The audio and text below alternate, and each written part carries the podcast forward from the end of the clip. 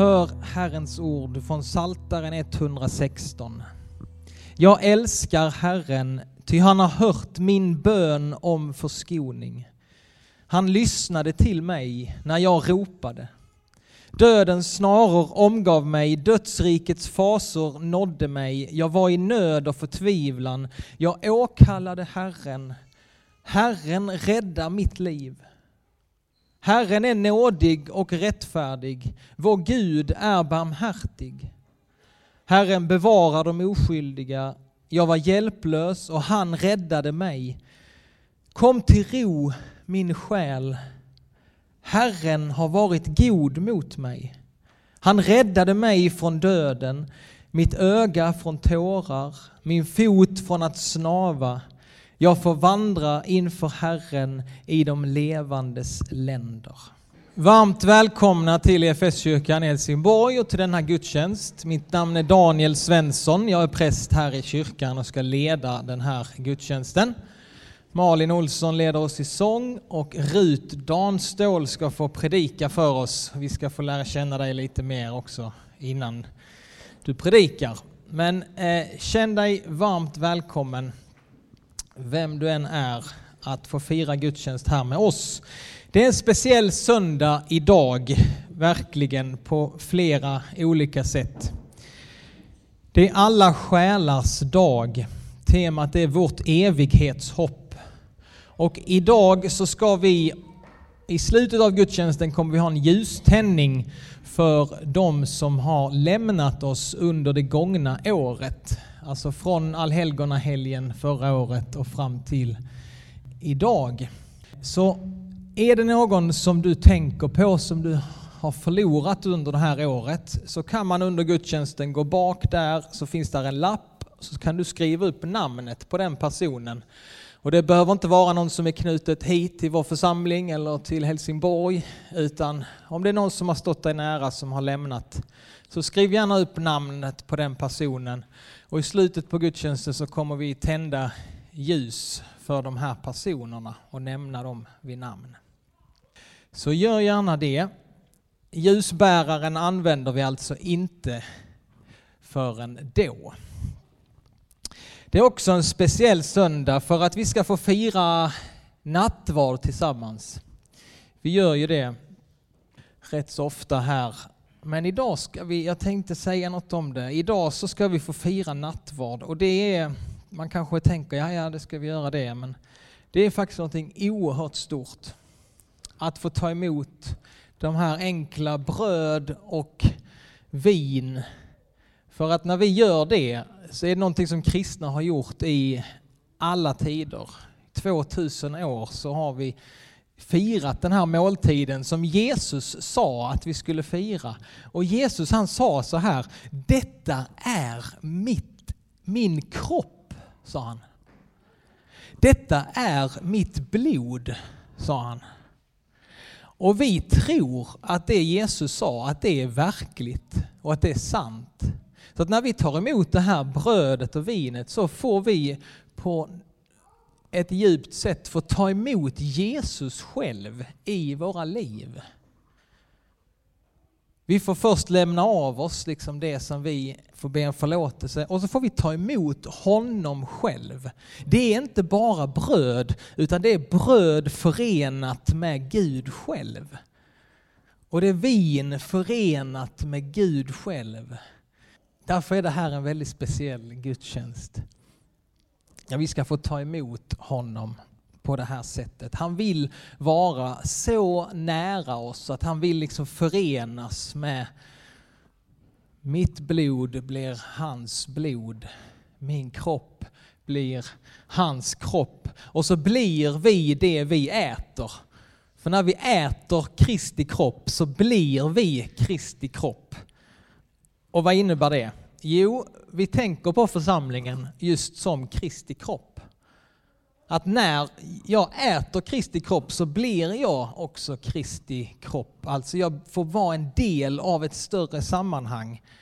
Och de som jag delar nattvarden med, de blir jag på något sätt förenade med. Det är inte någonting som man bara gör, man kan tänka sig att jag går fram här själv och så ta emot brödet bara för min egen skull. Men det händer någonting. Vi får, vi får göra det här, det är en gemenskapsmåltid och de man delar bröd och vin med, de blir man förenade med och man, vi har ett visst ansvar faktiskt för de som vi delar bröd och vin med. Så eh, det är underbart att vi ska få ta emot nattvarden idag. Vi ska få lyssna till en av söndagens texter. Temat är vårt evighetshopp och så här skriver eh, Paulus i första Korinthierbrevet. Han försöker reda ut lite frågor just det här om död och liv och livet efter detta. Och du kan ju fundera på om han lyckas eller inte. Eh, han skriver i alla fall så här. Nu undrar någon, hur uppstår de döda? Hurdan kropp har de när de kommer? Är vilken enfaldig fråga. Det du sår får inte liv om det inte dör. Och när du sår det är det inte den blivande växten du sår utan ett naket sädeskorn eller något annat frö. Men Gud ger det den gestalt han har bestämt. Och varje frö får sin egen gestalt. Alla kroppar är inte likadana. Människorna har sina, boskapen sina, fåglarna sina och fiskarna sina. Vidare finns det himmelska kroppar och jordiska. Men de himmelska har sin glans och de jordiska har en annan. Solen har sin glans, månen sin och stjärnorna sin. Ja, alla stjärnorna har olika glans. Så är det också med de dödas uppståndelse. Det som blir sått förgängligt uppstår oförgängligt. Det som blir sått föraktat uppstår i härlighet. Det som blir sått svagt uppstår fullt av kraft. Det som blir sått som en kropp med fysiskt liv uppstår som en kropp med ande. Finns det en kropp med fysiskt liv så finns det också en med ande. Och så står det skrivet, den första människan, Adam, blev en varelse med liv, men den siste Adam blev en ande som ger liv. Det andliga kommer alltså inte först, utan det fysiska. Därefter kommer det andliga. Den första människan kom från jorden och var jord. Den andra människan kom från himlen. Som den jordiska var, så är också det jordiska. Och som den himmelska är, så är det himmelska. Och liksom vi blev en avbild av den jordiska ska vi också bli en avbild av den himmelska. Så lyder Herrens ord. Gud, vi tackar dig. Som den jordiska var så är också det jordiska. Så som vi har blivit en avbild av den första människan Adam så ska vi också bli en avbild av den andra Adam, vilket är Jesus Kristus. Precis som vi alla är en avbild av den första Adam så ska vi också bli en avbild av den andra, alltså Jesus Kristus. Vilket fantastiskt hopp då så får jag hälsa dig Rut Danstål välkommen upp här. Så ska du få predika för oss. Rut eh, går på Johannelunds teologiska högskola i Uppsala. Läser teologi där. Jag har också gått där. Väldigt glad för den skolan. Det är där vi utbildar våra präster inom EFS. Och ibland så får vi ta emot eh, praktikanter därifrån och igår så kom du hit och du ska vara här en, fram till nästa söndag. Ja. Och idag ska du få predika för oss. Och vi är jätteglada, jag är jätteglad att eh, du är här och du ska få vara med på våra olika, det som händer i veckan här. Och du ska få predika för oss. Så jag tänker du ska få presentera dig själv ja. och berätta lite. Men först så ska vi ta och be för dig. Så tillsammans så ber vi. Vi tackar dig Herre för Rut. Tack att hon får komma hit till oss och vara här under en tid. Vi tackar dig för att hon ska få predika här hos oss idag. Och vi välkomnar henne och vi välkomnar det Herre som du har lagt på hennes hjärta idag. Vi tar emot det Herre med stor förväntan och glädje. Och vi ber att du ska fylla henne med din heliga Ande. Du ska få använda henne. Sänd ditt ord, sänd din Ande. Och hjälp oss Herre som lyssnar att få ta emot av dig. Amen. Så vi kanske kör, du får berätta lite först om dig själv innan vi läser evangelietexten tänkte jag. Vi, vi kör så. Vi kör på det. det. blir alltså. jättebra. Ja. Ja, hej. Rut heter jag och är från Uppsala. Jag är född och uppvuxen där. Uppvuxen i en församling som heter Livets Ord där mina föräldrar har gått och jag har gått på kristna skolan och så. Och så har jag gått bibelskola där och är snart klar med tre års teologistudier också på Janelund och numera går jag till eh, Lötenkyrkan som är en samarbetskyrka i Uppsala. Jag är 24 år gammal. Eh, jag tycker om teater och eh, kultur och sånt. Eh, Spännande. Och jag tycker om att resa. Jag eh, ja, har... Tycker du om att predika? Det tycker jag om faktiskt. Så det är ju tur för oss alla att jag Ja. är här idag. Så jag ser jättemycket fram emot det här. Eh, ja. Men jag tycker om att undervisa och eh, vara på sommarläger och vara med konfirmander och så. Det tycker jag är superhärligt. Så, supersvårt och läskigt också, ska jag erkänna, men kul. Ja. Ja. Vi är med dig, alltså, vi är inte mot dig, eller hur? Alltså, vi kommer ju vara med, vi, kommer, vi står, vi bara, ja, tack. vi är tillsammans i detta. Och eh, nu ska du få veta vilken evangelietext du ska få predika. Jag ska, evangelietexten för idag är Johannes 6, Du- från vers 37 Oh, till du 40. hade koll på det alltså. Då står vi upp och så lyssnar vi på dagens eh, heliga evangelium. Jesus han sade, alla som Fadern ger mig ska komma till mig. Och den som kommer till mig ska jag inte visa bort. Ty jag har inte kommit ner från himlen för att göra vad jag själv vill, utan för att göra hans vilja som har sänt mig. Och detta är hans vilja som har sänt mig. Att jag inte ska låta någon gå förlorad av dem som han har gett mig, utan låta dem uppstå på den sista dagen. Ty detta är min faders vilja, att alla som ser sonen och tror på honom ska ha evigt liv. Och jag ska låta dem uppstå på den sista dagen. Så lyder det heliga evangeliet. Lovad vare du Kristus. Varsågoda och sitt. Alla som Fadern har gett mig ska komma till mig. Och den som kommer till mig ska jag inte visa bort. Vad handlar dagens evangelietext om? Eh, det handlar om vårt evighetshopp. Att Gud är en Gud som ger. Han har gett oss Kristus. Han har gett oss av sig själv. Det står att det liksom finns så mycket paralleller i den här texten. Det står att vi kommer till Jesus, inte av oss själva utan för att Herren, för att Gud ger oss till Kristus. Samtidigt säger Jesus, jag kommer ner från himlen. Så det är både att vi får komma till Jesus, inte av oss själva utan för att det är Gud som ger oss, men också att Jesus kommer till oss från himlen. Ehm, och att när vi möter honom på detta sätt så är det det eviga livet.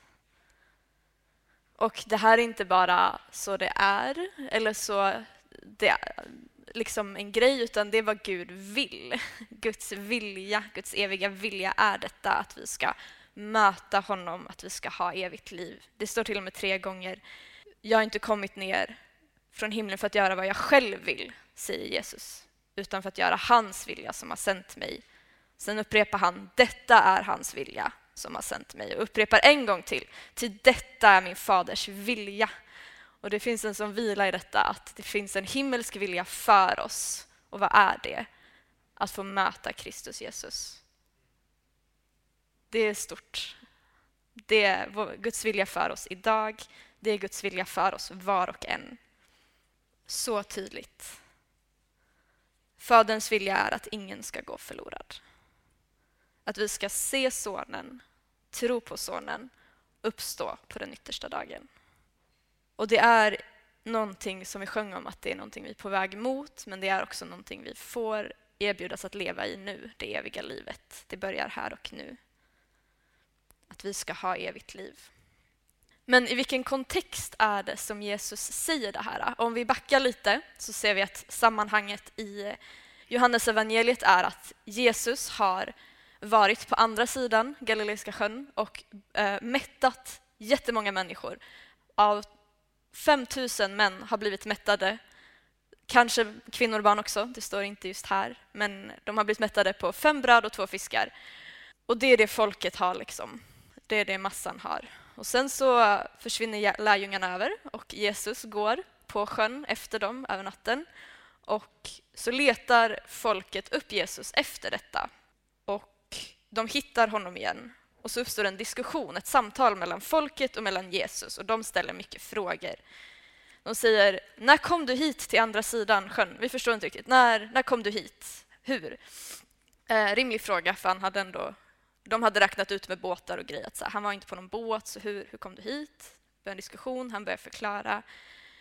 Och han uppmanar dem att arbeta för brödet som mättar för evigt och inte det brödet han gav dem, för de blev, kommer bli hungriga igen. Och då frågar de, men vad ska vi göra? Vad ska vi göra för att uppfylla Guds verk? Och han säger, ja men tro på mig, tro på mig. Eh, de frågar, men varför ska vi tro på dig, Jesus, rabbi? Varför ska vi tro på dig? Ehm, vad kan du utföra? Och de frågar Jesus, vilka under kan du göra? Ge oss bröd alltid. Så det är också någonting som kanske vi står i, att vi lever i en diskussion med Jesus, med Gud. Vi får frågor, men eh, vad kan du göra Gud? Rimlig fråga. Vad kan Gud göra? Hur kan du mätta mig? Vilka under kan du göra? Och Jesus svarar att han är brödet. Han är han säger att min kropp, drick mitt blod så har ni evigt liv. Och folket blir förargade, står det. Eh, och jag tycker faktiskt med rätta, för han säger väldigt stora, svåra, provocerande saker. Han säger ät mitt kött, drick mitt blod. Och lärjungarna säger det är outhärdligt det han säger. Vem kan stå ut med att höra honom? Och det står att Jesus förstod att också lärjungarna blev förargade. Och så är det många som lämnar Jesus här i det. Folket lämnar förargat lärjungarna. Det står att de tolv är kvar, men andra som har följt honom som lärjungar lämnar här Jesus. De står inte längre ut. Jag brukar inte bli arg så ofta. Ehm, jag känner mig ofta som en ganska glad, sprudlande människa, eh, får höra det från andra. Men eh, för ett tag sedan så blev jag väldigt arg eh, på min eh, bästa vän. Hon hade gjort en sak som hon sen hade ljugit om för mig väldigt länge, öppet och på ett sätt som ja, men inte var okej. Det här var alltså min närmsta, närmsta vän, min bästa vän, som jag delar allt med. Ehm, och då blev jag väldigt arg och sårad och chockad Ehm, på ett sätt som jag nog inte... Jag kände liksom... Ni vet, ibland händer det saker i livet som gör att man känner nya känslor som man kanske inte ens visste att just jag kunde känna. Och hon hade ljugit för mig länge om en väldigt viktig sak. Så att jag var väldigt chockad, jag kände sorg. Det var svårt att förstå och jag började fundera, vad är det som har varit sant i vår relation egentligen? Och där behövde jag göra ett val. Jag behövde välja vad jag skulle göra åt detta. Och jag valde då att säga till henne att jag var arg på henne. och att ja, förklara exakt liksom vad jag kände, hur sårad jag var, vad som hade sårat mig. Ehm, och vi behövde prata med henne, med varandra om detta. Och det var jättejobbigt. jag fick gråta. Jag kände att nu är ju jag mig sårbar här.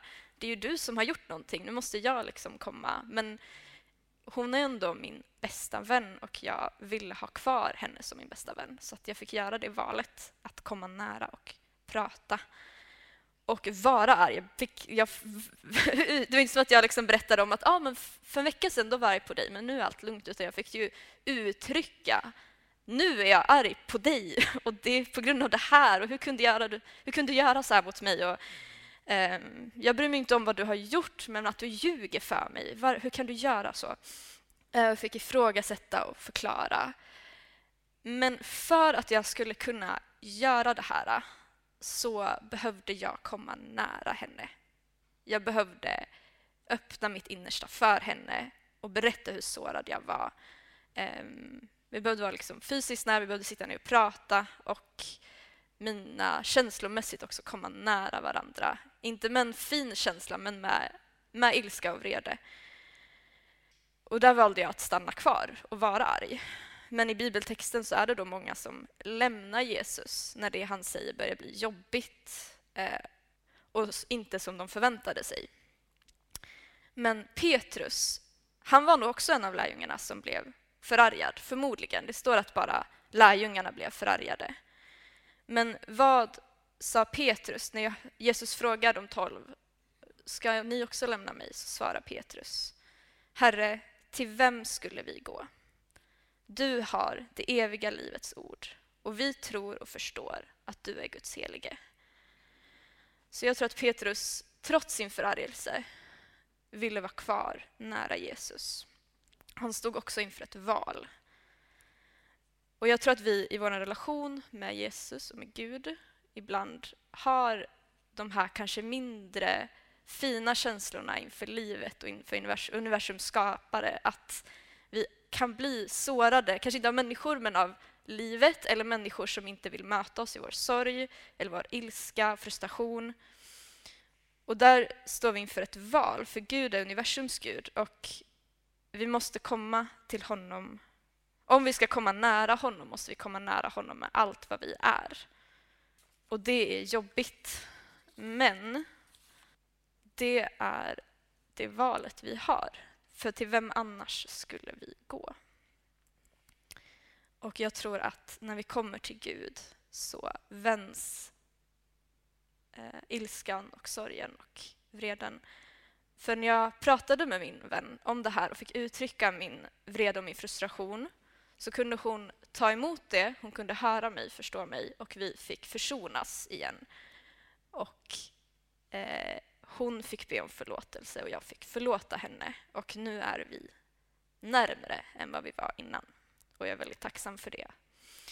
Eh, och om det här med att bli arg så säger också en författare, C.S. Lewis, att detta är ett citat. Han säger att bli arg, och kanske inte då vresiga humörsvängningar, men rättfärdig, het, förtrytande vrede övergår, inte nödvändigtvis på en gång, till omfamning, triumferande, välkomnande kärlek. Det är så vänner och älskare på riktigt återförenas. Stark vrede, stark kärlek. Sådan vrede är kärlek som blöder när du skär i den. Vreden, inte den förmätna förebråelsen, att man liksom håller distansen lite, Vreden hos älskare är kärlekens återfödelse. Att ha en intim, nära relation med Jesus förutsätter att vi kommer med allt vad vi är och har inför livet till honom. Och hur kan vi göra detta? Gud kom intimt nära oss när Jesus kom ner till jorden. Han bar synden, sjukdomen, han tog allting på sig för att vi skulle kunna komma intimt nära honom. Och när vi kommer med hela oss nära Gud så är det, lovar Bibeln, det är evigt liv. Johannes säger också, detta är det eviga livet, att de känner dig, den enda sanne guden och honom som du har sänt, Jesus Kristus. Vi för att ha evigt liv måste känna Jesus. Och hur lär man känna någon utan att visa hela sitt jag? Med sin förargelse, vrede och sorg. Och det här är läskigt och det är svårt och jag tror att vi inte alltid klarar det i egen kraft, men med Guds hjälp och den helige Ande så är det någonting vi får ta del av. Alla som Fadern ger mig ska komma till mig och de som kommer till mig ska jag inte visa bort. Det som vi har emellan oss och Gud av frågor, besvikelse och sorg det har Gud lovat att inte visa bort. Det står, Jesus säger också att kött och blod har inte uppenbarat detta för Petrus, utan det var Guds heliga ande som uppenbarade det. För till vem annars skulle vi gå? Det djupaste i människan är nog, den djupaste rädslan är nog rädslan för att bli bortvisad. Men vi har också ett underbart löfte som vi har fått höra idag. Där det står att detta är Faderns vilja, att alla som ser Sonen och tror på honom ska ha evigt liv. Låt oss be.